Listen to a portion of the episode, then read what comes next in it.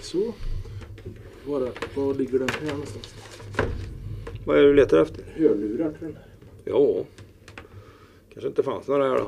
Han har väl, om Ja. det, han har väl Ja, de har den väl någon annanstans. hemma inne hos sig tror jag kan jag Ja, tänka mig. men här har vi hörlurar då. Så vi provar på dem då. Ja, får göra det. Eller också jag hämta hörlurarna. Man tar dem det hemma. Han har väl dem hemma kanske? Ja. Jag vet inte. Nej, men vi har ju här.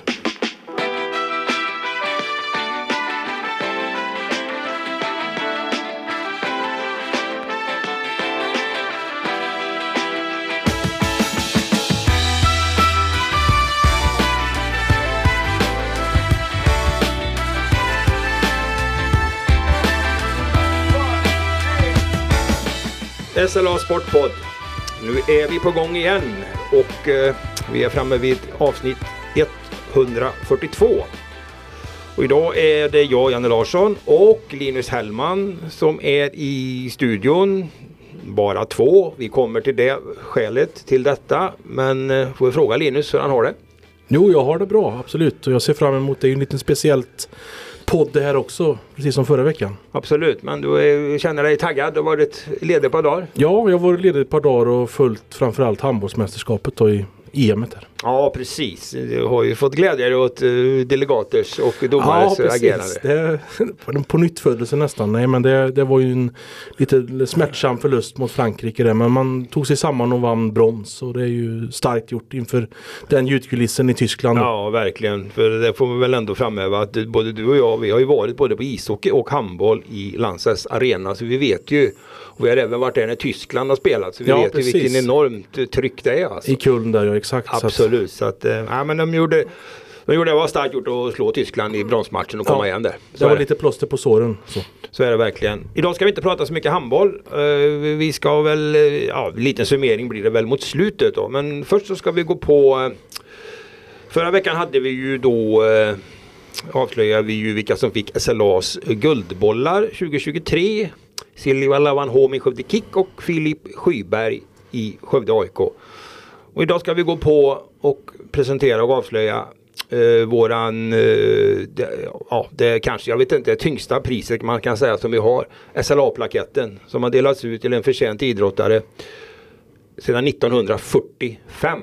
Ja, om man pratar om att andra var ett an, anrikt pris och eh, Guldbollen så är det här ju ännu längre tillbaka som du är inne på.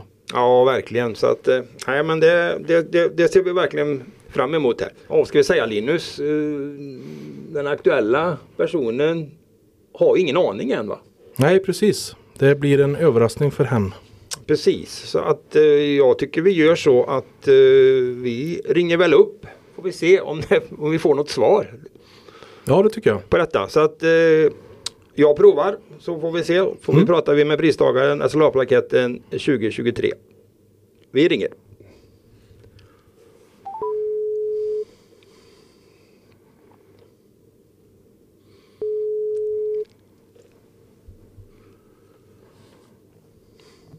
Tobias? Hej! Jan Larsson, SLA-sporten, tidningen i Skövde. God god dag, god dag. God dag, god dag. Ja, det var ett tag sedan Tobbe. Du undrar väl kanske varför vi ringer till dig nu? Du har ju lämnat oss. Ja, exakt. Nej, men det var ju ett tag sedan nu, så det, ja, det är spännande att höra vad du har på hjärtat. Ja, det, är alltid precis. roligt att prata med, det är alltid roligt att prata med SLA. ja härligt, härligt. Ja, vi, det, var väl, det var ett tag sedan. Det var ju matchen eh, naturligtvis. eh, Skridskomatchen mot eh, Falkenberg. var vi då vi såg senast tror jag. Ja, exakt. Ja. Avgörande kvalmatchen är på hemmaplan där. Som, Absolut. Ja, jajamensan. Nej, vi kan sko-. Ja, vi, vi kan skoja lite om den idag. Jag kan meddela i alla fall att här i Skövde har man grävt upp planen nu. Jag var uppe och tittade där idag så det är grävmaskin på planen och konstgräset ska väl läggas så fort vädret tillåter. Ja, ja, det är blandade känslor från min sida där. Man har många goda minnen från, från gräsplanen på Södermalm. Och att det är gräs var ju, var ju väldigt viktigt för mig när jag var i Skövde. Absolut, ja vi vet ju det. Jo, anledningen till att vi ringer upp dig Tobias, det är ju det att vi har ju ett pris eh, som den här tidningen har delat ut ända sedan 1945. Det är ett pris som vi kallar för SLA-plaketten och den går då till en eh, förtjänt idrottare som vi tycker har uträttat något alldeles extra under säsongen. Det kan vara ett lag, det kan vara en aktiv idrottare och det kan också vara en ledare eh, liknande. Så att eh, då har vi haft jurysammanträde och jag vill bara meddela då att eh, vi har beslutat att tilldela dig SLA-plaketten för 2023. Oj, ja det var stor ära och, och väldigt roligt att höra. Eh, som sagt, vi är ju lite grann, vi känner väl det också med tanke på, eh, vi kan komma till det, till den säsongen som har varit. Och jag har med mig Linus Hellman här också och jag tycker vi kan börja med att han läser juryns motivering. Får vi se om vi tycker att det är något som stämmer. Ja. Hej Tobias för övrigt. Hej Linus. Hej, hej. SLA-plaketten 2023 Tobias Linderoth, Skövde AIK. Med en okuvlig vilja, kunskap och fingertoppskänsla samt inte minst med en stor passion till fotboll har Tobias Lindroth under sina tre år i Skövde AIK starkt bidragit till att lyfta klubben från division 1 till superettan. Under hans ledarskap har fotbollen avancerat till en nivå som knappast någon i Skövde trodde var möjlig innan. Säsongen 2023 har något av bragdens stämpel över sig. Efter att i stort sett varit uträknat i kampen om nytt kontrakt lyckades Lindroth få till en segermaskin som klarar sig kvar i Superettan. Förmågan att få laget att prestera under stark press och att få ett antal inlånade spelare att fungera i en ny miljö, miljö är beundransvärd. Slutcitat. Ja, det var, det något, var något som stämde tycker du? Ja, det var det är ord jag aldrig skulle ta i min egen mun, men det är väldigt roligt att höra naturligtvis. Eh, eh, så man blir blir nästan lite rara. Ja, nej, men det är väl så vi känner också. Vi som har, vi har ju följt fotbollen länge i Skövde och framförallt jag då började ju redan början på 1982 då och sett hela den här, vad som har hänt de här sista åren så jag vidhåller ju det att man trodde ju nästan inte att man skulle få uppleva eh, superetta eh, fotboll här i Skövde. Och jag kan börja med att fråga dig, vad, vad, vad är själva hemligheten tror du att man, att man klarade detta egentligen med de förutsättningar och den trupp och ekonomi som finns? Nej, men det, det var väl början med att vi hade en tro på det vi skulle göra. Det är alltid det viktigaste, att man har en tro på att man kan genomföra någonting. Och sen har kände jag väl ganska tidigt att vi hade eh, en spelargrupp och en eh, eh spelartrupp som gjorde att vi kunde, kunde göra det möjligt. Vi hade väl lite trevande inledning på och vår tid tillsammans eh, första halvåret där var lite trevande, men sen efter på sommaren där så började det falla på plats. Och, eh, många duktiga fotbollsspelare, många spelare med, med stora ambitioner och, och, spelare som var villiga att jobba väldigt hårt. Eh, samt en, eh, en väldigt bra ledarstab runt omkring och en, eh, eh, kanske inte den största klubben, men vi hade ett stort hjärta samtliga som jobbade med det. Absolut, vi träffades för första gången i november 2020 när du blev klar som huvudtränare för Skövde AIK. Berätta lite om det projekt du hoppade på där då. Ja, men det var ju att jag, jag kände ju direkt när jag kom upp till, eh, till Skövde egentligen att det här, det här känns roligt, det här känns bra liksom. Och, och träffade folket i klubben. Eh, eh, och det, det gjorde ju att man bara var ännu mer sugen på att flytta dit och börja jobba i Skövde. Och det, det var ganska enkelt beslut egentligen. Eh, dessutom kände väl jag innan jag träffade Skövde att det fanns Eh, Eh, fanns fina möjligheter i Skövde eh, att utveckla fotbollen eh, och se vad, vad, man kunde göra med fotbollen i Skövde. För det är ju det är ett stort område, eh, man kanske inte hade haft elitfotboll på ett tag. Eh, och tyckte att de förtjänar ett, eh, ett lag lite högre upp i, i seriesammanhangen. Ja, för det är ju så i grunden då, framförallt från division 1 då. Nu blev det ju lite andra grejer kanske på slutet då, så byggdes det ju mycket också på, det är man ju väldigt stolt över. Det var ju mycket av bygdens söner. Jag tänker på bröderna Granat från Timmersdala bland annat och vi är så många med dem då. Så att eh, det visar ju också att, precis som du säger, att det finns ju det finns ju talang och fotbollskunnande och glidelse för sporten här uppe också som, man har kunnat, som du har kunnat hjälpa till att utveckla.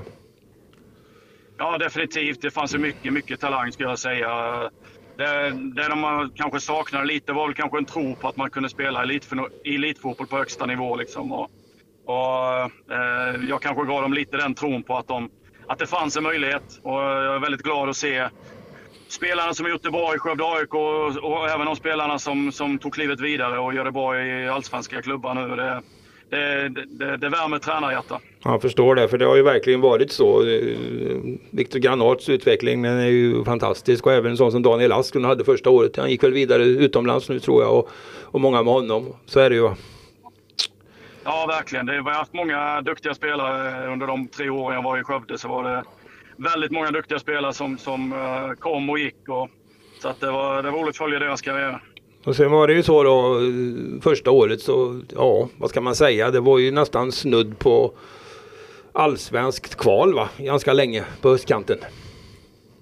Ja, vi var med i racet i alla fall. Ja. Rockade väl kanske inte riktigt hela vägen, Nej. men vi var med i racet ganska länge. Och kände väl att ändå vi hade en chans att uh, kunna vara med där och skaka om dem. Och det har man ju sett på Superettan de senaste säsongerna. Det är väl svårt att tippa egentligen uh, botten och toppen på, på Superettan. Eh, så att eh, vi gjorde en väldigt, väldigt stark säsong. Och det var väl också det som gjorde att eh, andra klubbar blev, blev intresserade av våra spelare inför för tredje året sen. Då blev det ju, var det många klubbar som plockade spelare från Skövde. Ja precis och det, det, det, här senaste året då det är ju det som vi tycker sticker ut kanske allra mest då på något vis. Det är ju ändå att man, ja det är ju bara att erkänna att uh, jag och kollegor till mig och många trodde ju att det här kommer ju aldrig Skövde AIK reda ut. Det var ju den, det var det man trodde kanske på sommaren då men det fanns ju en helt annan inställning i, både hos dig och hos laget uppenbarligen. Ja verkligen, ja, men det var ju jag fick ju höra det hela tiden också, var jag än var någonstans om man pratar fotboll, vilket jag ofta gör då ja. när jag är i olika sammanhang. Så då fick man ju höra det ofta att eh, ja, det ser tufft ut och det är kämpigt nu. Och jag fick ju lägga lite överöra till och så fick jag ju fokusera på det vi skulle göra. Det, enda vi kunde, det enda vi kunde fokusera på var arbete på planen dagligen. Eh, och, och så sa vi väl egentligen efter första eh, när vi hade paus där på sommaren att vi behöver göra någonting. Vi behöver skaka om lite i truppen och vi behöver få in lite annan kvalitet. Och, och eh, det gjorde vi också. Det var väl också en nyckel till att vi kunde, kunde starta med fräscha huvuden och fräscha ben. Och de som kom in hade inte den historiken som vi hade haft på, på våren. Där, utan de kom in och bara ville vinna fotbollsmatcher. Det, det underlättade väldigt för oss. Ja, för när vi stängde sommarfönstret, vårfönstret där uppe i Västerås. Då hade ni ju blott 6 poäng på 10-12 matcher och då, då såg det ju jobbigt ut. Men som du säger, ni tog in spelare och använde det där uppehållet på ett bra sätt. Ja, vi kände ju det att Västeråsmatchen var väl lite eh, droppen där. Det var en liten känsla där att eh, det kvittar vad vi gör så vinner vi inte matcher. Liksom det. Och vi behöver göra någonting. Eh, vi behöver egentligen gå tillbaka till det vi gjorde så bra eh, året innan egentligen. Att vi blev lite mer Skövde AIK helt enkelt. Eh, med mycket energi och unga killar som var väldigt ambitiösa, jobbade väldigt hårt och, och, och var det här jobbiga laget att möta. Och det tycker jag vi fick till sen under hösten. För det jag tycker också så här när man plockar in spelare har vi ju sett eh, inte bara Skövde AIK, utan överallt att det är långt ifrån ändå att man får det här att fungera liksom. Det är ju hur det än är, ja, varje värvning, varje spelare som kommer, det är ju ändå en liten chansning då. Men man lyckades att få den här eh, gruppen tillsammans med de här spelarna som ändå de visste ju det i princip, det har vi ju sett nu då, men det kanske ska komma till. Att mm, det var ju hösten som man var utlånade till Skövde AIK och sen har man gått vidare. Men att få dem, precis, de hade ju verkligen inställning för detta. Alltså, det kan man väl inte veta innan de är här eller? Ja, det är jättesvårt att veta ja. faktiskt. Eh, vad de har för mentalitet och karaktär egentligen. Det är väl egentligen det som är det svåraste att ja. scouta också. Med bra kontakter i, eh, i olika klubbar och sådär och de klubbarna de kom ifrån så, så kunde vi ändå, eh, och Per gjorde ett, Ostermo gjorde ett jättejobb där med att leta upp eh, spelare. Och jag hade mina kontakter på olika ställen också som gjorde att man kunde få en rätt bra bild av spelaren. Och spelaren utanför planen var lika viktig som spelaren på planen egentligen för att vi skulle få det att funka. Och för oss var det otroligt viktigt att vi, vi skapade en grupp och att vi skapade ett lag igen som kunde, kunde vinna fotbollsmatcher. På Skövde AIKs sätt ska jag tillägga. Ja, verkligen. För det var ju då man kände lite grann att det sättet som ni spelade som nykomling första året orkar, klarar inte riktigt av med den truppen att spela det spelet. Du fick väl ändra lite grann och backa tillbaka lite i banan och tappa den här pressen och aggressiviteten som var adelsmärket. Men den hittar ju tillbaka till. Hittar ju rätt typer igen då som var beredda att lägga ner det jobbet helt enkelt. Utan att förringa någon annans insats. Det är inte det jag menar men du förstår. De här passar väldigt bra in i ditt sätt att hur man vill spela. Ja exakt. Nej, vi fick ju jag kände väl här på våren att vi fick gå ifrån vår egen identitet lite grann och det, det kändes ju aldrig bra när man måste anpassa efter motståndet och, och backa hem och hoppas på att man kan avgöra en match på, på, på något sätt. Men eh, under hösten så kändes det ändå som att vi gav oss själva chansen i varje match. Eh, var mycket mer framåtlutade i vårt försvarsspel och, och, vi skapade mycket mer chanser. Och vi vågade mycket mer, var mycket modigare och det, det kändes väldigt bra under, under hösten. Och du inpräntar ju även det här med cupfinaler hela tiden till spelarna som tog till sig och gav sitt yttersta. Ja, det blev ju det och det var ju... Det, varje poäng var, blev ju viktig för oss under hösten och på något sätt så blev det ju cupfinaler och, och det är ju en styrka hos en spelare också att se det som någonting som är positivt. Det är ju en del, en del spelare som kan tycka att det är en väldig börda på att bära på axlarna, men eh, den spelartruppen och de spelarna vi hade i truppen, de växte verkligen med uppgiften och, och såg verkligen fram emot varje match och såg det som en utmaning och det var ju otrolig styrka hos de spelarna i truppen som vi hade. Hur mycket tror du att din egen karriär som spelare har då har spelat in med tanke på du är ändå van att spela på en nivå och du har all, men alltid en enormt hög press i alla möjliga sammanhang, EM, VM-matcher och all, allt du har spelat. Har du haft, kunnat haft med dig någonting utav det, tror du? Ja, det tror jag definitivt. Ja. Jag, jag, man har ju lärt sig att man eh, att man inte ska bli för påverkad. Eh, oavsett om det går jättebra eller om det går jättedåligt så ska man inte bli för påverkad av saker och ting. Utan man får, man får hitta någonstans, eh, någon medelväg någonstans och, och kunna, så att man själv kan leva med det och, och eh, veta att det är jobbet varje dag som är det viktiga. Eh, följer man med i svängarna för mycket, både upp och ner, så, så blir det ett väldigt, väldigt eh, jobbigt yrke eh, och, och, då blir pressen också väldigt påtaglig. Så det är väl egentligen det man har lärt sig och man har haft en karriär som fotbollsspelare på hög nivå. Att man lever, ja, lever med press hela tiden och lär sig leva med den pressen. Ja. Och det, ha, ja, och det använder du kanske lite grann också i, när du pratar med spelare och så vidare. Inte så att du står och predikar för sakerna men de känner den kanske att det finns en styrka, det finns ett tryck och det finns ett lugn någonstans. För det är klart att det var ju kritiskt. Liksom, ni hade ju inga marginaler kvar egentligen. Nej, det fanns ju inte mycket att gå på där. Och det visade sig på slutet också att det var ju någon poäng hit eller dit så, hade vi, så, så kunde det gå åt vilket håll som helst. Va? Så, ja. eh, men eh, det vi pratade egentligen om i gruppen det var ju att vi, att vi inte skulle lyssna så mycket på det yttre bruset utan vi skulle fokusera på, på det vi gjorde på träningen och det vi gjorde i gruppen. Och det, det är ju svår, svårare sagt, eller det är ju lättare sagt än gjort ska jag säga för att eh, de gick ju till vanliga jobb och de rörde sig i mm. stan. Och det var kanske lite lättare för mig som som rörde mig i lite andra kretsar eh, och lättare för mig att stänga av det här bruset. Men, Nej, och media vi är ju snabba att tala om också hur illa det ser ut och hur långt det är kvar och hur lite poäng man har och så, eller hur? Ja, ja, och det är ju ett jobb också så det ja. får man respektera. Att, eh, och det vet man ju hur det funkar liksom. Att, eh, men det har man ju respekt för och det vet man att det är så. Det, går det bra så, får man, så blir det positivt och går det mindre bra så blir det, blir det negativt. Och det, det är så det är bara och det, och det är det man måste lära sig hantera när man håller på med det här också. Ja absolut och sen slutar det ju då om vi nu pratar om kvalet också i storm i Falkenberg och svårspelat i Skövde liksom. Men killarna redde ut det här också. Ja verkligen. Vi hade, det var två speciella kvalmatcher och vi, ja, vi har haft eh, några fina kval, eh, kvalkvällar i, eh, i Skövde. Eh, ja, det är verkligen. några minnen man har för livet skulle jag säga, de här kvalmatcherna. Eh, få det upp och det, det, senaste kvalet mot Falkenberg där vi höll oss kvar. Så att det, det, det är speciella kval. Ja just det, första var ju 10 grader kallt på konstgräset Södermalm. Ja, och lite isbana där också. Ja, eh, faktiskt, faktiskt. Det var lite, lite liknande förutsättningar skulle jag säga. Ja, verkligen. Nej men jag förstår, det är ju höjdpunkter. Alltså du lyckosamt kvalspel i Skövde AIK började med under dina tre år och så avslutade med ett lyckat kvalspel och du tog ju till och med ton här inför fansen efter att ni hade slått Falkenberg i den här andra avgörande kvalmatchen. Ja exakt, Nej, men det blir så. Vi, det är också roligt att se och följa den eh, supporterkulturen som har, som har skapats eh, under åren. Absolut. Eh, det har ju hänt väldigt mycket där också. Vi har haft två väldigt trofasta, tro, trogna supportrar hela vägen och de har fått mycket eh, folk runt sig också med, med far och son. Eh, Lindgren som har varit där på läktaren. Ja, som har varit på läktaren hela tiden. Eh, så att de skapade något speciellt på läktaren också, vilket fick, tog med oss in i, i kvalmatcherna. Så att, det var fantastiskt det. Precis, då måste jag ju fråga dig nu naturligtvis för att du, du känns ju ändå inte som en man som samlar på troféer direkt och ställer hemma på hyllor och sådär utan det är som du säger, det är ett jobb som ska göras och ibland blir det bra, ibland blir det dåligt men då har vi ändå fått några utmärkelser. Den här måste du väl ändå sätta högt va?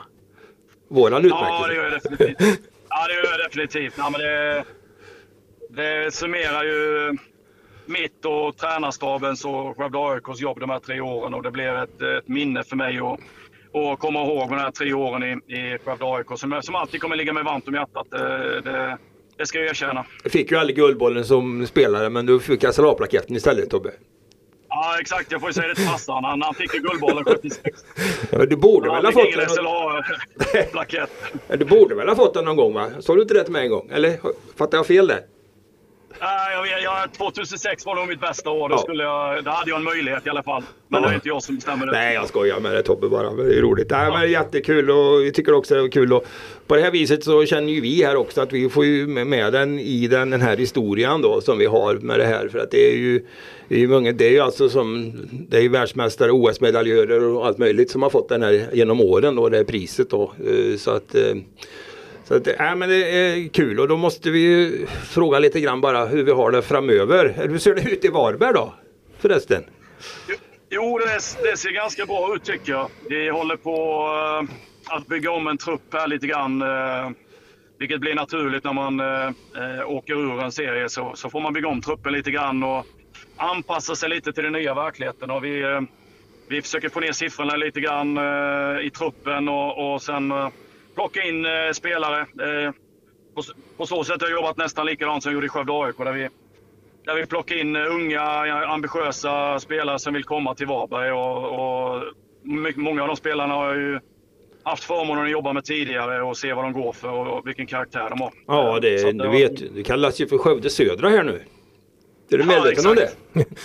Ja, jag, jag har hört detta. Men, ja, det, det, är det är ju killar som, som kommer från andra klubbar faktiskt. Men de hade, ju, Absolut. de hade ju en fin tid i Skövde AIK under hösten. Det hade de. Ja, jag Eh, menar det. Nu har väl Varberg, vad jag förstår, löst de här spelarna på sina kontrakt också från både Mjällby och Kalmar antar jag. Så att eh, det är, det är, det är ju en lite annan nivå också då. Så att, och Skövde har ju en annan, om jag får vara lite subjektiv, har ju en annan roll kanske i den här näringskedjan också och får ju vara stolta över att man kan producera de här spelarna och det är klart det var ett win-win. De kommer hit, gör bra jobb, går vidare. Skövde AIK klarar sig, klarar sig kvar liksom. Så att det, ju, det fanns, finns ju inga förlorare egentligen i den, i den dealen enligt mig. Nej.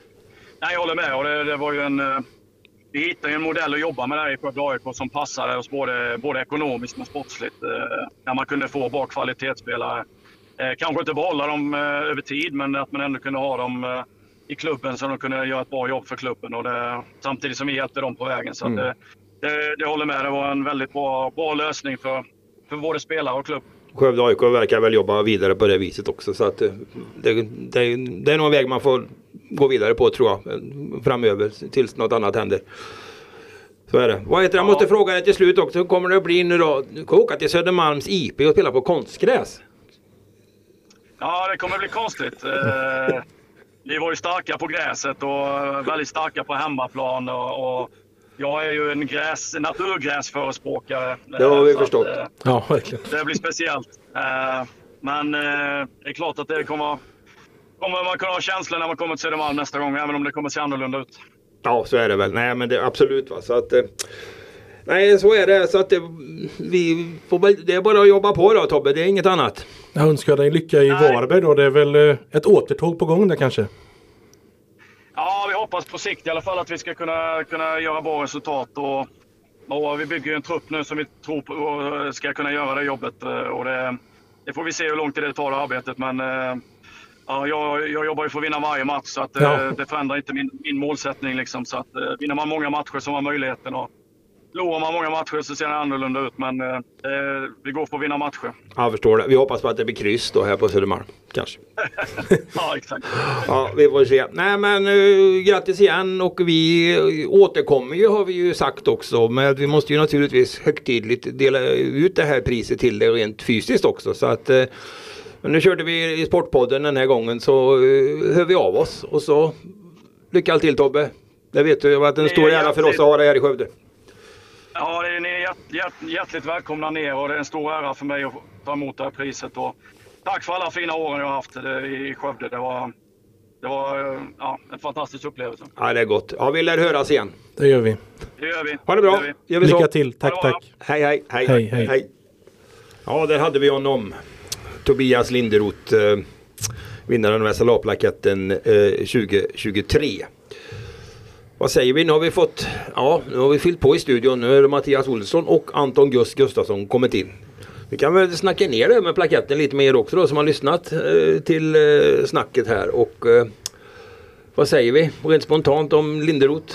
Ja, det är ju en mycket värdig vinnare naturligtvis som har satt eh, fotbollen i Skövde på kartan som åtminstone inte jag har eh, upplevt den tidigare. Så att det, det är spännande nu det är ju om det här blir liksom om liksom framgången var lika med Linderoth eller om Linderoths tid här var början på framgång för Skövde AIK. Det återstår ju för klubben att se vad man kan göra av det. Men eh, det, Linderoth har ju startat någonting. eh, Och eh, ja, han har ju en stil som funkar väldigt, väldigt bra. Här. Ja, har lite skor att fylla nu kan man väl säga. Det kan man säga. Vad säger Gus?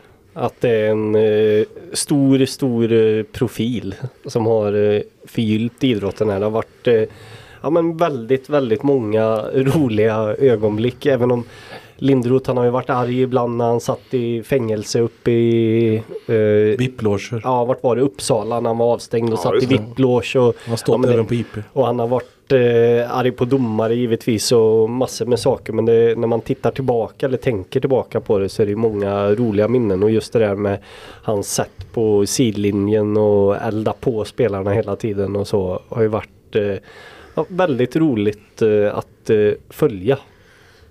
Ja absolut, det är väl egentligen det enda då om man ska eh, säga någonting. Att det kanske har skällt lite väl mycket på domare ibland. Ja det är väl nu Ja, slipper ja. ju inte... Ja kör Och så Hellman är ju... Nej, jag uppskattar passionen, lidelsen, Absolut. de brinnande ögonen. Det har varit helt underbara år och det går ju bara upprepa. Ingen elitfotboll i Skövde utan Tobias Linderoth. Så, så är det ju. Man lyckades hänga kvar mot alla odds. Det var omöjligt. Det är omöjligt. Men det gjordes ändå. Så är det.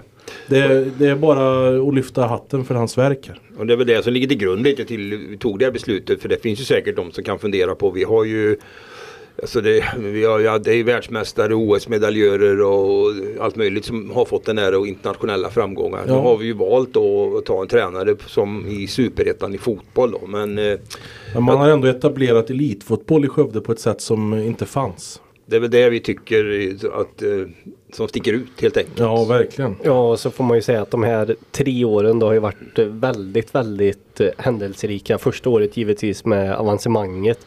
Andra året när det gick väldigt bra som nykomling och var femma till slut va? Och sen Ja. det här året eh, som när de såg helt uträknade ut men så stod för den här hösten som ju var helt otrolig och det har ju varit eh, såklart det har han ju pratat om själv att det har hänt grejer de här berg och dalbana och ni har mycket att skriva om allt vad han har sagt. Så att, ja. Nej men det, det står ju, eller det lästes jag ju även upp i motiveringen. Det är Ja. ju en lokal bragdartad insats. Det är inget att diskutera. Nej, så förhoppningsvis det betyder väldigt mycket att lyfta fotbollen totalt sett på en lång tid då. Sätter fingret på andra saker också och eh, som kanske kan också bli elitmässiga i Skövde. Så är det. Jag har en annan eh, liten po- point i det som jag kommer ihåg för att Eh, uh, om jag inte minns helt fel, nu det är jag sällan när det gäller det som hände för länge sedan. Då var det så att Gunnar Blombeck fick plaketten 1990. Och det fick han ju för den prestationen genom att föra upp IFK Skövde från en lägre nivå upp till högsta serien. Och vi vet ju sedan 1990-91 så har IFK Skövde varit i högsta serien och etablerat topplag egentligen mest hela tiden då. Och det är frågan om, om eh, om det är lika, lika enkelt är det ju inte i fotboll naturligtvis. Men man får ju hoppas att det här sätter avtryck så att det inte bara blir de här åren en parentes menar jag för fotbollen. Svårt att säga men. ja. Nej det är svårt att säga. Det är fin, man, man, man har tagit sig hit och nu det gäller ju fortfarande att eh, överleva för år för år och växa in. Man har växt in i kostymen spelmässigt men jag menar organisatoriskt, ekonomiskt och allt annat också. Där är man inte än idag men man ska ju börja någonstans. Man jobbar för det stenhårt. Man får bara, ja, bara Mm. sticka in där. Absolut. De, eh, alltså, om man bara tittar på de sportsliga resultaten som man har eh, fått till när Tobias Lindroth kom till Skövde AIK. Vem hade då trott att SAIK inom ett par år skulle slå liksom lag som Örebro och Helsingborgs IF. Nej. Jag menar när vi var Nej. På Södermalm sista matchen. Det kändes inte ens konstigt som att Skövde AIK skulle slå Helsingborg. Helsingborg visserligen väldigt dåliga då, mot vad de har Jo, varit. men Men, ändå. ändå. Nej, nej. Att Skövde AIK slår den typen av klubbar. Det säger en del om vad han har gjort här. Ja precis första året då jag minns bortamatchen mot eh, Örebro åker upp, vinner den med 1-0 och man förstår inte vad som har hänt från Örebrosidan för hur kunde det ske? Det, Nej, de tror inte sina ögon publik. nej det gör man inte. Vad är det man möter för något Ja, egentligen? exakt. Vad är det som Ja. händer? Vad är det som Ja. pågår? Ja. Ja, för det var väl så att första året Lindroth, när man var uppe i Superettan, det fanns väl inte en expert som trodde egentligen något annat än att man skulle sluta klart sist i den serien och så slutar man femma sen. Så. Men bara, det den, säger bara, något. bara den starten, eh, fem matcher och man leder serien eh, i debutåret och som sen slutar med en femteplats. Ja, just det. Ja. Åkte upp och vann i Östersund direkt. ja och sen eh, stod han ju här, gnällde ingenting utan tog en snöskyffel och skottade planen inför matchen mot Landskrona då. Ja, det är väl det som imponerar på oss också mycket. Den här okuvliga inställningen. Att man bryr sig inte om så mycket vad som händer runt omkring. Utan man tar sin uppgift och så försöker man fokusera på den. Och det erkänner han när vi pratar med honom i intervjun också här. Att, Ja. eh, han försöker ju och förmedla den till sina spelare också. Att man får försöka fokusera på det man kan påverka helt enkelt. Och det kan vi nog ta med oss eh, alla och göra i arbetsliv och allt möjligt. Det, Ja, det är be- beundransvärt det är för mycket gnäll Linus. Ja, det kan det vara generellt sett men det, det, är väl, det ligger väl nära till hands ofta. Det ligger nära till hans. På tal om det, vi, ja, vi går vidare tycker jag, men då tycker jag ju ändå att eh, vi, vi fortsätter på det här spåret och då hamnar vi ju kvar i fotboll och Skövde AIK och eh, förutsättningar att bedriva en elitmässig verksamhet. Nu ställdes det ju på sin spets den gångna helgen. Skövde AIK skulle möta Lidköping i första träningsmatchen på Södermalms konstgräs så var den ospelbar på grund av att den var för hal. Man fick åka och ragga en ny plan på några timmar i Skara och kunde spela där. Eller hur Mattias? Ja, jag fick, eh, det var ju du som, eh, jag var ju på väg till Södermalm och då ringde du upp. Jag frågade var jag var och konstaterade att eh, matchen var flyttad. Så det var med kort notis och kort varsel. Så det blev till att styra bilen till Skara istället. Och så fick vi se eh, Skövde AIK och Lidköping mötas på konstgräset eh, där. Så han hamnade i verkligheten direkt. Vår tränare Ja, Tofa. Som vi, Det kan man säga. Så att eh, den, som då var van eh, och såg avslutningen på Skövde AIKs förra säsong med traktorer på plan så här, eh, precis innan match. Den fick ju en flashback för det var ju traktorn låg ju på där precis innan avspark också och man saltade också på den här konstgräsplanen. Så det blev lite, lite flashbacks från den matchen. Så, sen var det då, de spelade väldigt speciellt. va? Ja, de spelade 4 gånger 20 eller 4 gånger 22 minuter för att det var en träningsmatch. Och eh, sen eh, halva den träningsmatchen spelad så bytte man ju då i Skövde AIK nio spelare. Så det blev två olika. Ja, han vädrade elver. de, den trupp han hade. Ja, han inventerade nog vad som inventerade. fanns. För att se vad, vad, som, eh, vad som fanns att använda. Det där håller Skövde AIK på med just nu. Man har raggat träningstider och nu har det varit milt i veckan så nu har Ja. det gått att träna på Södermalm. Och Det är nog eh, så vet man, eh, vad är det? Är det 16 februari? Tror jag, det är måndag va? Kan det stämma? Mm, det kan Man stämma. möter Djurgården borta. Såg Djurgården. De var på träningsläger på Gran Canaria nu. Ja, det är lite annorlunda. Det kan man säga.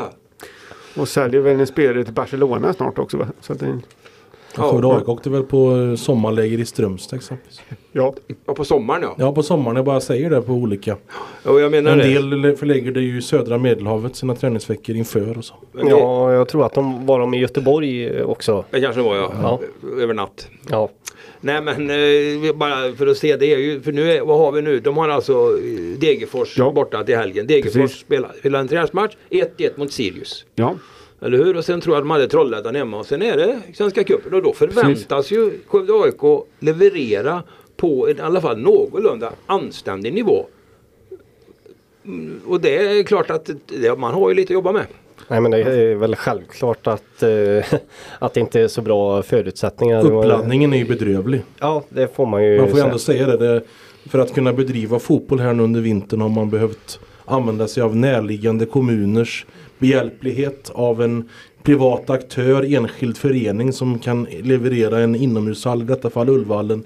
Det är ju vad som har funnits. Så det, är ju, det är ju den enkla sanningen. Det finns ju ingen annan sanning än den enkla. Och eh, dessutom så har man ju stängt av eh, värmen på eh, den befintliga konstgräsplanen. Så den, det förstår ju alla. Det är ju helt uppenbart att det är väldigt svårt att få en konstgräsplan utan värme att fungera eh, under vintern. Det blir ju jättesvårt. Man är ju helt utlämnad av åt vädrets makter. Men det har vi ju haft sedan förra vintern i Skövde. Värmen är bortkopplad. Den är bortkopplad sedan förra vintern av besparingsskäl som jag förstår. Det så använder man en ga- gammal teknik att och det-. Och det ska, ska, man ska investera i Södermalms IP men Det är ju här och nu vi befinner oss. Inte, alltså Skövde AIK ska ju spela Svenska Cupen. Det är ju en cup som finns i fotboll där man ska kvalificera sig till att få spela i alltså Europakval så småningom. Och den som vinner den här cupen. Ja, man, Och, då, och, man, och man förväntar sig också kunna spela här i mitten av februari. Nu blev ju lottningen en annan. Att man ska spela då Ja. Djurgården, Göteborg och så har man det här Nordic-laget hemma. Men det kunde ju varit en helt annan lottning.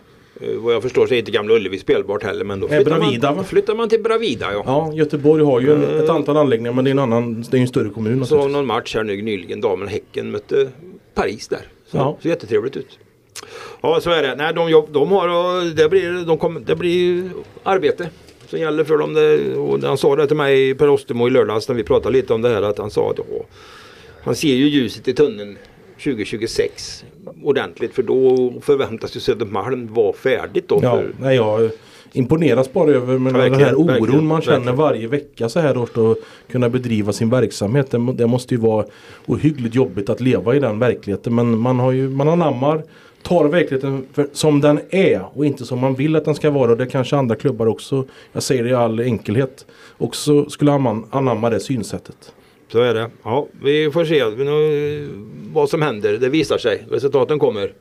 På tal om dåligt väder och blåst och allt vad det är. Olsson, Ja, du har precis kommit hem från eh, Kungsbacka. ja jag var Det var där. stormigt väder. Ja, det, det blåste ju något eh, enormt när man åkte dit då. Och, och då hade jag räknat med ungefär samma sak på vägen hem. Men det, det kom ju också ösregn sen hela hemresan. Så det var ju lite blåst, regn, mörker och eh, vatten på vägarna med viss risk för vattenplaning på sina ställen. Så att, då. Men, eh, och du var på handboll alltså. Aranäs IFK Skövde. Ja, det ska 22 tilläggas. lika. det ska sägas, så var det. Det var, blå, det var inte blåsigt inomhus i alla fall. Nej, men det var det- spelet gick det var väl det- lite i vågor Ja, kan man ja, säga. ja, det kan man säga. Så att det var ju framför första Första halvlek svängde ju väldigt mycket. Det var IFK i ledningen med två och sen vände det. Aranäs ledde med två och sen vände det igen. Och så höll de på så. Och IFK och Skövde gick till en litet tryck i slutet av första halvlek och ledde med tre mål i, i paus. Och sen så såg det väl ut i början av andra halvlek tyckte jag som att de var på väg att stegra ifrån eh, Aranäs och hade väl fyra måls ledning och boll i anfall vid några tillfällen. Men eh, då tog det stopp framåt. Då avtog målproduktionen. Ja. Linus har eh, kollat i detalj. Nej, jag tittar ju på den här Ja, sammandraget hur där. såg det Jo, vi tittar ju på det. Hur många Ja. mål gjorde man de sista 22 Ja, vad fick vi det minuterna? till? Var det, var det tre mål Ja. Tre mål på Ja. sista 21 och Ja, en halv minut. för att vara ärlig då, Ja. precis. Ja. Nej, för det stod ju 12-15 och man förlorade andra halvlek med 10-7 då va? Ja, ja, det var lite Precis. mål. De hade väl en bra Ja. målvakt i och för sig. Men det är Ja. klart att... Nej men det är klart att, det, att eh, alltså, få oavgjort mot jumbon borta det är ju ett bottennapp. Det är ju eh, ad- adekvata ordet. Men jag är inte förvånad. För jag vet ju att eh, Skövde har ju haft svårt historiskt alltså i Kungsbacka mot Aranäs. Och ett Så- skadedrabbat Ja, ja det ska man också ha med sig. Men, men när man betraktar matchen som sådan så är det naturligtvis det när man nu har hamnat på den Ja man är ju i topplag och då ska man ju städa av sådana här matcher. Ja, det går, det går ju Det är faktiskt. den måttstocken man ja, ska men ha. det går ju att hitta liksom jättemånga ursäkter om man vill. Det, Ja. det har varit en månads uppehåll och det Ja är, visst. ja men Jonas Samuelsson och Adam Ljungqvist borta. Det saknas och sådär. Men Håvard Åsheim också. var inte- Håvar, ja, jajamän, så att det är klart att man kan hitta ursäkterna men det är ändå bara tre mål då på sista 20 minuterna Ja, visst, mot. Aranäs som bara har vunnit två matcher tror Ja, jag de den här hade fem att- poäng. Nu har de sex. Ja, Skövde har man- 26. ja. Ja, Nej, men så man- att det, det är klart att, det, att det inte är eh, så bra gjort på slutet här. Ja, nej, nu har inte jag sett hela matchen så men när man tittar på sammandraget så ser man ju att det är rätt bra lägen man bränner Ja, också. så att är, man spelar sig ju till lägena så sett men det är ju lite, ja. Man kan ju, det kan ju vara så ibland. Man har ju haft en magi och vunnit en del matcher som har varit jämna tidigare. Jag tänker tillbaka på en match som var kring Lucia i Lund där när man vinner med uddamålet. En sån match kan man ju lika gärna förlora. Så att det är klart att man går på ett sånt där poängtapp då och då. Det kanske, men just att man gör det kanske mot jumbon på bortaplan. Jag tänkte att man hade kanske kommit förbi det lite grann. Mm. Och nu går man in i den här perioden då som var så lyckosam i höstas med de här där man då vann mot de här topplagen. Nu har man ju Ystad hemma här och man har snart även i Kristianstad och man ska möta eh, Hammarby. Säve- Sävehof och Hammarby. De här lagen som man gjorde att man etablerade sig i toppen. Och man har ju en jättemöjlighet att ta, för det är viktigt tror jag, att man blir topp fyra. Där har man alla möjligheter. Det är, man skulle säga, jag tror det är en 6-7 poäng ner till eh, Det blev väl så med gårdagens resultat. Ja, de har där. 19 där Torsdagens- nere vet du. Ja, onsdagens resultat. Skövde har 26 va, så att, eh, men det är klart att eh, de behöver eh, oavsett hur det ser ut, men truppen är ganska tunn så att de behöver nog få, få in Samuelsson i alla fall. Ja, verkligen. Och det jag håller med dig är att sluta topp fyra men också att inte jag menar att man inte hamnar i någon jättesvacka här nu då in mot slutspelet utan man vill gärna att formen ska vara uppåtgående mot Ja. eh, slutspelet. Nej, men ni- nio matcher kvar va? och eh, åtta poängs försprång på lag fem. Ja, så pass mycket. Det är ju, 8 ja, poäng. Ja. Alltså Ystad har ju 18, i Skövde 26. ja, precis. Så att det är en ganska hygglig marginal för att positionera sig väl inför ett slutspel. Ja, det är det jag Ja, menar. De, och slår man Ystad då på, på söndag så är det ju 10 poäng då. Ja, det är, ju- det är ju tajt med många lag där men absolut. och nu har man ju då dessutom, de, den har man ju jobbat hårt för. Det, blir ju det väl redan utsålt vad jag förstår. Det fanns väl lite ströplatser kvar tror jag. Nu ska inte vi sitta här och skrämma bort folk men det verkar vara väldigt stort intresse för en Ja. gratismatch mot Ystad IF. Ja, ja visst, det är ju en, en fin toppmatch i handbollsligan. Ja, verkligen. Så att, Och de lagen känner ju varandra väl sedan de senaste säsongerna. Det är ju, möts ju i slutspel två säsonger i rad. 40-30 vann de jag såg mot eh, Karlskrona. Ja precis, de gjorde, de gjorde vad de skulle. Kim mot Andersson har varvat igång igen. Ja. Han var ju inte med speciellt mycket under hösten. Nej, nej. Så att vi får se. Det är ju intressant i alla fall och spännande när det gäller det. Och när vi pratar handboll så, så har vi ju Ja, det allra mest spännande blir ju lördagen där i Skara va. Och På tal om utsålt så tror jag det skulle vara så där också. Ja, Skara HF, Skövde HF. En riktig sträckmatch vid, eh, nere vid slutspelsstrecket som det har utvecklat sig till. Kan vara helt avgörande i slutändan. Ja, man, faktiskt. man, allt ska ju räknas ihop så småningom men om man går blickar tillbaka för det här. Ja, man skiljer ju en poäng mellan lagen. Skara kommer med bra form får man säga. Även om de har något oavgjord match här så har de gjort väldigt bra. De har Ja. ju knutit, är alltså de har slutit leden spelarna sen det blev klart att Magnus Frisk skulle sluta. De har ju gjort det väldigt bra. Det är klart det är ju hans spelare många av dem och de vill väl göra så bra som möjligt för sin, sin tränare. Ja, mot ett Skövde HF som är lite varannan gång. Så det, Ja. ja. Ja. det var ju första segern. De slog ju Lugi här i helgen den var vi Ja, och såg och det var ju Ja det var ju bra gjort naturligtvis med tanke på att man kom ju med en rad förluster. Man hade ju inte vunnit sen före jul va? Jo, man vann ju mot Västerås åkte man ju upp och Ja det gjorde de vann ju. också. Det är en seger sista fem hade de. Ja, precis. Så Eller något att- sånt. Absolut, det har du rätt i. Men eh, annars så var det ju första segern på ett tag då. Det var väl två förluster emellan Ja. ja. Västeråsmatcherna om jag minns rätt. Och det var ju Ja det var ju spännande för det var väl Även där var det väl gratismatch var det så? Mot Lugi. Det var det. Absolut. Och det var ju stort för eh, Isabelle Guldén då var ju med och spelade i Lugi. Det Ja. är ju alltid speciellt när hon dyker Ja upp. herregud. Bella Guldén. Inte så, hon var ju långt från matchform. Till dig sa hon väl att hon hade ingen form överhuvudtaget. Nej det var så hon beskrev det själv. Men hon gjorde ju, skojar ju faktiskt en del också. Men vi fick ju se sådana här tittfinter och lite någon straff som var sån här från ingenstans. Och, Ja. Så hon visade, hon, kom, ju- hon gjorde fem mål och fem assist. Så att, eh, Nej, hon hade en eh, ganska stor roll i, i Lugis anfallsspel. Eh, Så det var inte henne de föll på direkt om man säger så. Utan snarare hon som höll dem Var ju med så nära. blott hennes tredje match efter Ja. barnafödandet kan man Precis. tillägga då. Så. Och det var jag tror väl... inte hon har spelat så mycket de tidigare matcherna som hon gjorde här. Nej, hon hade stegrat sa hon ju. För det var första gången hon spelade lite, lite mer. Första var ju bara att känna på det, andra lite mer och nu ytterligare ännu en gång. För det är klart det här var ju matchen de kände själva. Skövde borta som har sviktande form och vi, då, där har vi stor segerchans. Precis, det var väl... De ligger ju sist så de är i behov av de pengarna de kan få. Det var profilrikt med han Johan Zanotti på bänken också. Ja, det var Vi känner till sen gammalt. Ja, Tränare exakt. i Lugi och allt möjligt. Varit i Norge och, men eh, nej, de redde ju ut det där Skövde HF och Ja. det eh, gjorde de ju bra. Trots att de har problem med sitt försvarsspel så har de ju Elmer Örtemark framåt som var magnifik. Ja. Nej men de eh, hade ju ledningen. De hade väl ungefär samma ledning som IFK hade mot Aranäs. Skillnaden var att de lyckades behålla det avståndet rakt igenom andra halvlek. Det var ju det blev jämnt några gånger men eh, Lugi närmade sig lite. Men man hade ganska bra kontroll ändå kändes det som. Även om man aldrig definitivt lyckades eh, skaka av sig Lugi. Men eh, trots allt ganska stabilt i andra halvlek. Vad tror vi om derbyt här nu då? Skara vann ju i den här publikmatchen. Ja, eh, och då var det ju, eh, då startade Skövde HF lysande om jag minns det hela rätt. Det var ju ganska klar ledning. Det var till och med uppe i fem mål men sen så vände ju Skara.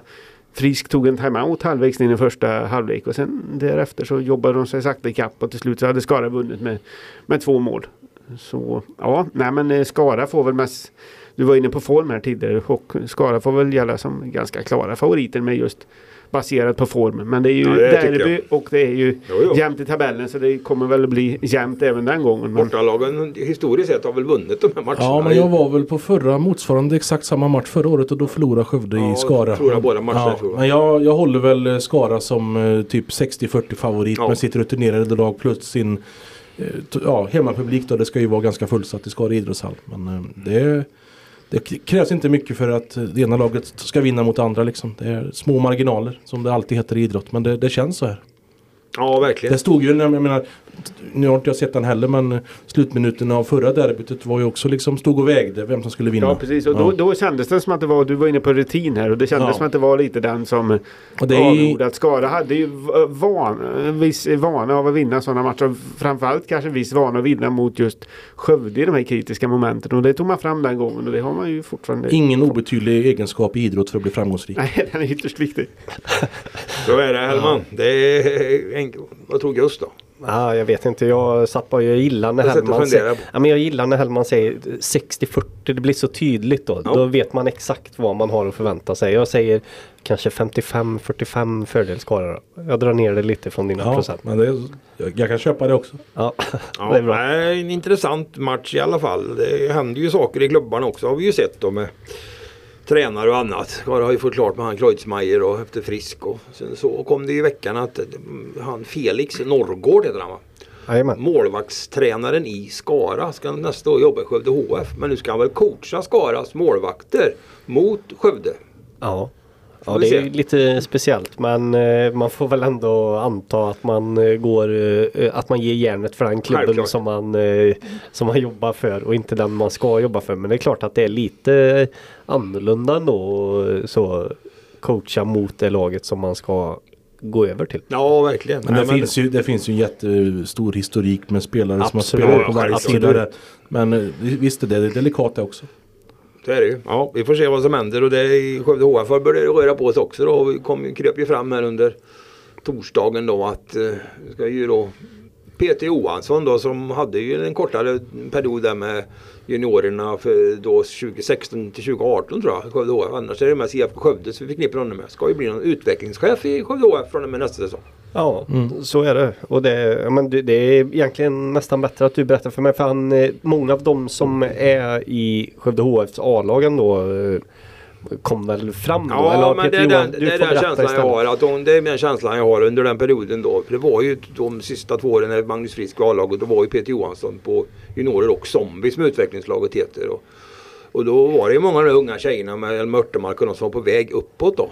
Så han har ju bidragit till att utveckla dem ihop med Jerker Nyman som också var en tränare som har haft mycket med de här att göra på den tiden. Så att eh, så att nu var det ju så jobbar han ju på handbollsgymnasiet och sen har ju de med tjejerna där. Så att eh, jag tror ju personligen att det är en väldigt bra grej för både för Peter och för Skövde HF tror jag. Faktiskt. Ja, jajamän. Och han hade då, eller ja, man, han var, har varit i IFK här och hade, han hade ett optionsår kvar men man beslutade att inte köra vidare där då som jag Nej, han var erbjuden att köra ett år till med Ja. HK då men enligt vad IFK Skövde skriver på sin hemsida så han ville ha lite längre tid och det Ja. har han tydligen skrivit på tre år som utvecklingschef då i eh, Skövde HF. Det är inte så förvånande att han kommer tillbaka till Skövde HFs verksamhet. Det man kan konstatera nu är ju att det är, nog, det är väldigt stora rokader man gör i Skövde HF med ny, ny tränarledning på, på, kring ja, utveckling, akademi och eh, vi ska ha en ny tränare som ännu inte är presenterad. Det är nio spelare med utgående kontrakt i A-laget så det,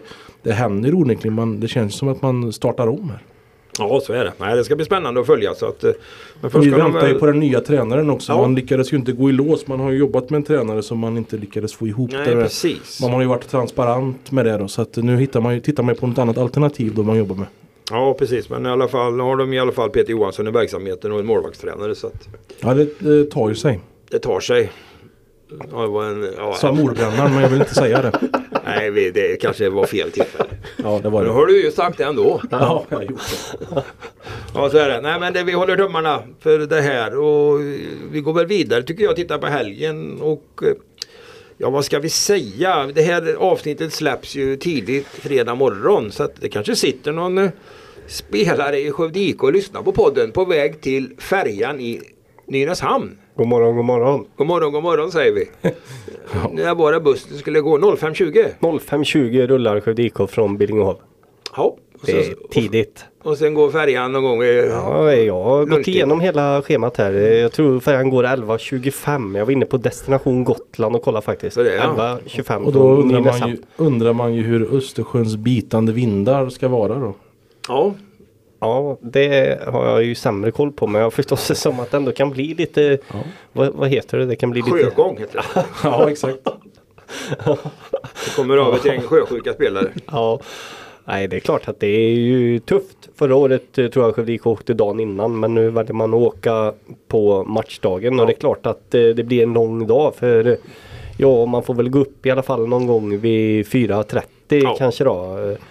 Eh, Jag har eh, själv gjort den resan till Gotland med eh, kollektivtrafik en gång. Så att jag, det var tåg Skövde, Stockholm och så ut till Nynäshamn och så färjan över. Det är Jag alltså, tog, jag tog pendeln alltså. jag tog pendeln ja. Det är alltså en, eh, det är en dagsutflykt eh, mer än en heldags arbete. Alltså. Ja, men Ja. då stod ju inte du på isen heller 19.00 jag utan... satt någon annanstans då. Ja. Ja. Och jag kan meddela om att jag har också varit på Gotland. Det tog mig flera dagar att komma in. Ja, just det.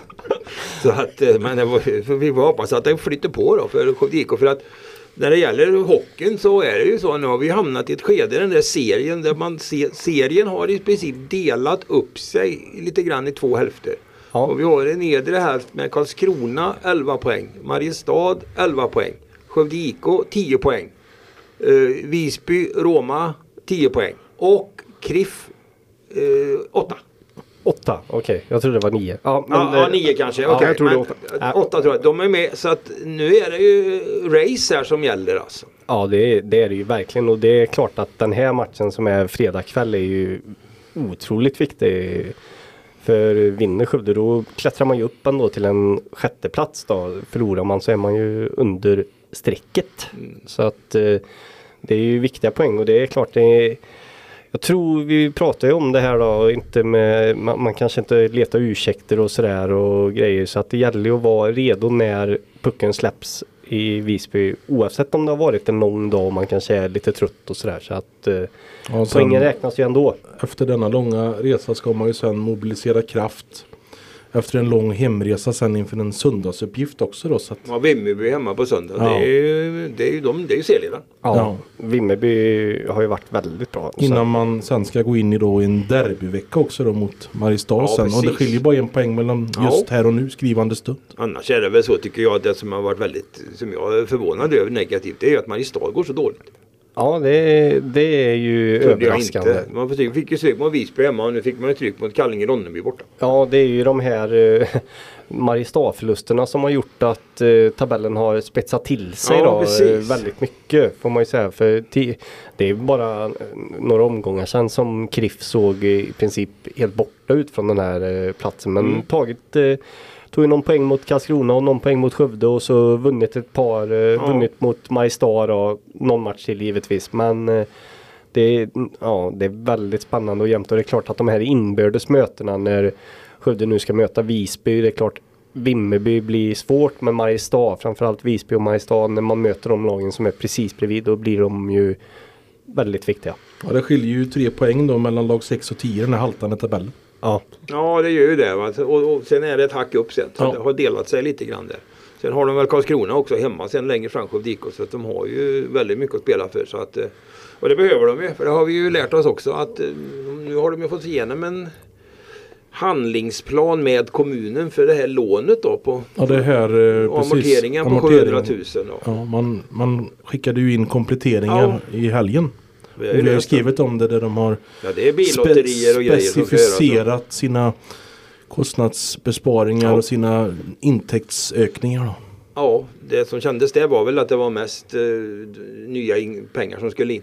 Ja jag. precis. Det, var inte det fanns en del besparingar också. Men Ja, men, men med betoning på att hitta nya intäkter Ja, var det det. var så. Det var ett billotteri som skulle Ja, det var- enligt budget ge 300 000. Ja det var väl den största, enskilt största posten. Ja, Sen var det ju olika camper och så vidare. Ja, det läger där. Men, och sånt. ja, men eh, vi får väl hoppa. Det, vi får, det är bara att önska lycka till.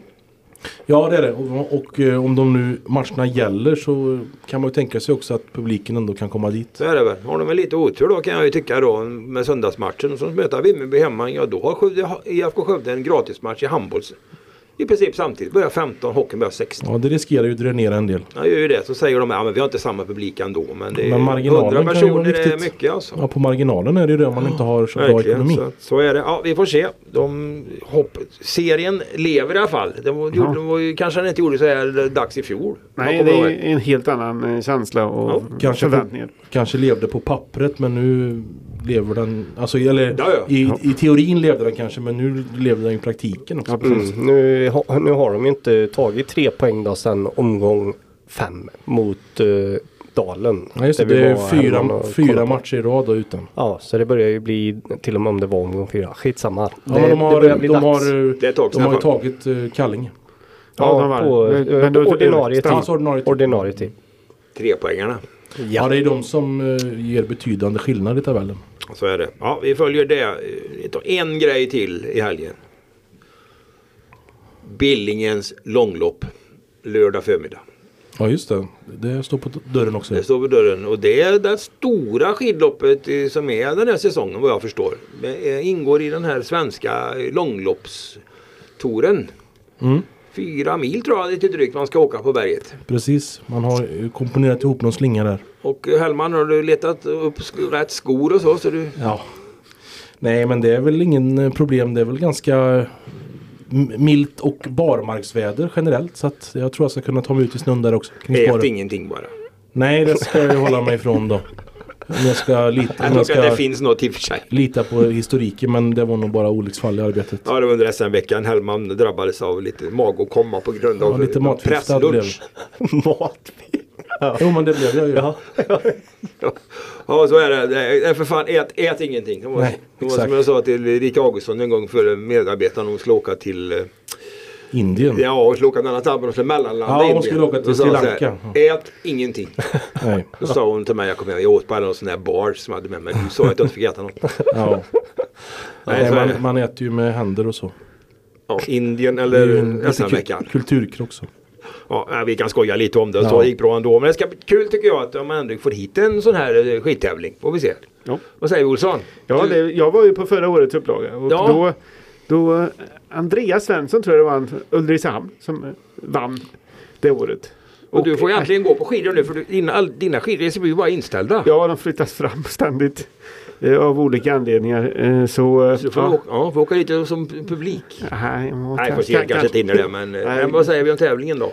Ja, det återstår väl att se Ja. eh, hur bra den blir. Jag, jag ska eh, sätta mig in i ämnet lite mer här under eftermiddag och kväll. Och, eh, nej men eh, Andreas Svensson såg ut att stå med i startlistan som jag sa. Så att det, han, det, han siktar väl på att vinna igen. Då, Ja, den ju är ju Tor, det finns ju pengar, det är prispengar också. Precis, det, det var väl- att, Ja, men det var ett av sex lopp, eller ett av sju Ja. lopp som ingick där. Har vi det hemmahoppet? Nu kommer jag inte ihåg exakt, jag har tappat namnet här men vi var uppe och pratade med oss om det gick bra för Axel någonting va? Axel Bergsten. Ja, han Ja. kanske åker. Vi får kolla det. Ja. Vi, har inte, vi har inte riktigt... Jag tror att Bill Impo där kör för träningskonsult. Det gör så, han långt, också, så ja. långt kom jag Ja, men då är han ju kvar där vet du. Så, och det är ju bra. Det är ju en sån där som har varit väldigt... Det är väl nästan topp 10 på Vasaloppet. Men jag såg inte Gabriel Thorn som var tvåa i fjol Ja, i startlistan. han men, var ju ja, ju för dem också. Så att, Ja. ja. ja, vi får se. Men det är kul i alla fall. Så att, eh, Ja, verkligen. får vi se då. Vädret har ju inte varit... Jag, ska, Nej, det jag är- tror jag kollar här. Skidmässigt är det väl inte så bra. Nej, plus fem eller något sånt där. Men det är ju konstnö så att det är klart att den... Men inga elitstick och inga SM-spår va? Nej, nej, de har inte använts i år överhuvudtaget. Nej, precis. Anses, anses inte... Det anses för, för brant och för farligt helt enkelt. Mm. Ja, ja. För vanliga, för vanliga motionärer. Ja, det ser man. Så, så är det. Ja, men, kul är det i alla fall. Och snart är det sportlov. Inte för oss men. Nej, precis. Nej, det blir en, för min del då naturligtvis eh, Billingens långlopp men sen ytterligare då en lördags eftermiddag i Skara kommun där jag tillbringade ju förra på Axvalla travbana. Ja, just blir det i idrottshallen några kilometer bort då i Skara. Så är det. Det är det som gäller nu. Skara är min grej på lördagarna här. Ja, precis. Så är det. Travet var trevligt. Ja det var det. Det var roligt att se att det var en del folk och restaurangen utsåld och pratade med krögaren som var sken upp. Han var mycket nöjd. Ja, trevligt. Trevligt. Ja, vad har vi något mer? Vi har hållit på. Nu har vi börjat med Linderot och slutat med Krögan på Axvalla. Men det, Det vi, vi, har, vi har passerat lite olika i, mellan dess också. Så är det. Runnit en del vatten där mellan åren. Men jag tycker nog att vi, vi, vi tar ner skylten för idag nu. Så Ja. önskar vi väl oss alla en, och våra lyssnare en trevlig helg. Eller? Det får vi göra. Ja, Någonting till protokollet Hellman? Nej det är väl mer dig jag blickar åt för jag tycker jag, det har väl varit, det ska det inte ske någonting stort på SVT snart här eller? Ska det inte vara någon stor tävling, någonting, någon musik här som ska komma in Ja, i du bilden? menar så. Melodifestivalen? Jag tror det ska ockupera ett par veckor Ja, framåt. det här kommer att börja på lördag. Ja, den får man ju titta på. Ja, det, det kommer vara eh, säkert stort i mediaspalterna. Ja, precis. Men eh, ja, det kommer det naturligtvis vara. Jag tror första var i Malmö. Ja, det kan att- vara så. Jag tror att hon, lite lokal anknytning, Elisa Lindström Så det. kan vara med och sjunga. Ja, det första, håller första, jag, första deltävling. håller jag en tumme för. Absolut. Så är det definitivt. Så får vi se. Kanske vi kan ta med henne i podden. Eller, Nu ställer henne mot väggen här. Exakt. Nej då, vi ska vara trevliga. Det ska vara jättebra och jättekul och vi tackar för idag. Det får vi göra. Ha det så bra. Hej hej! Hej hej.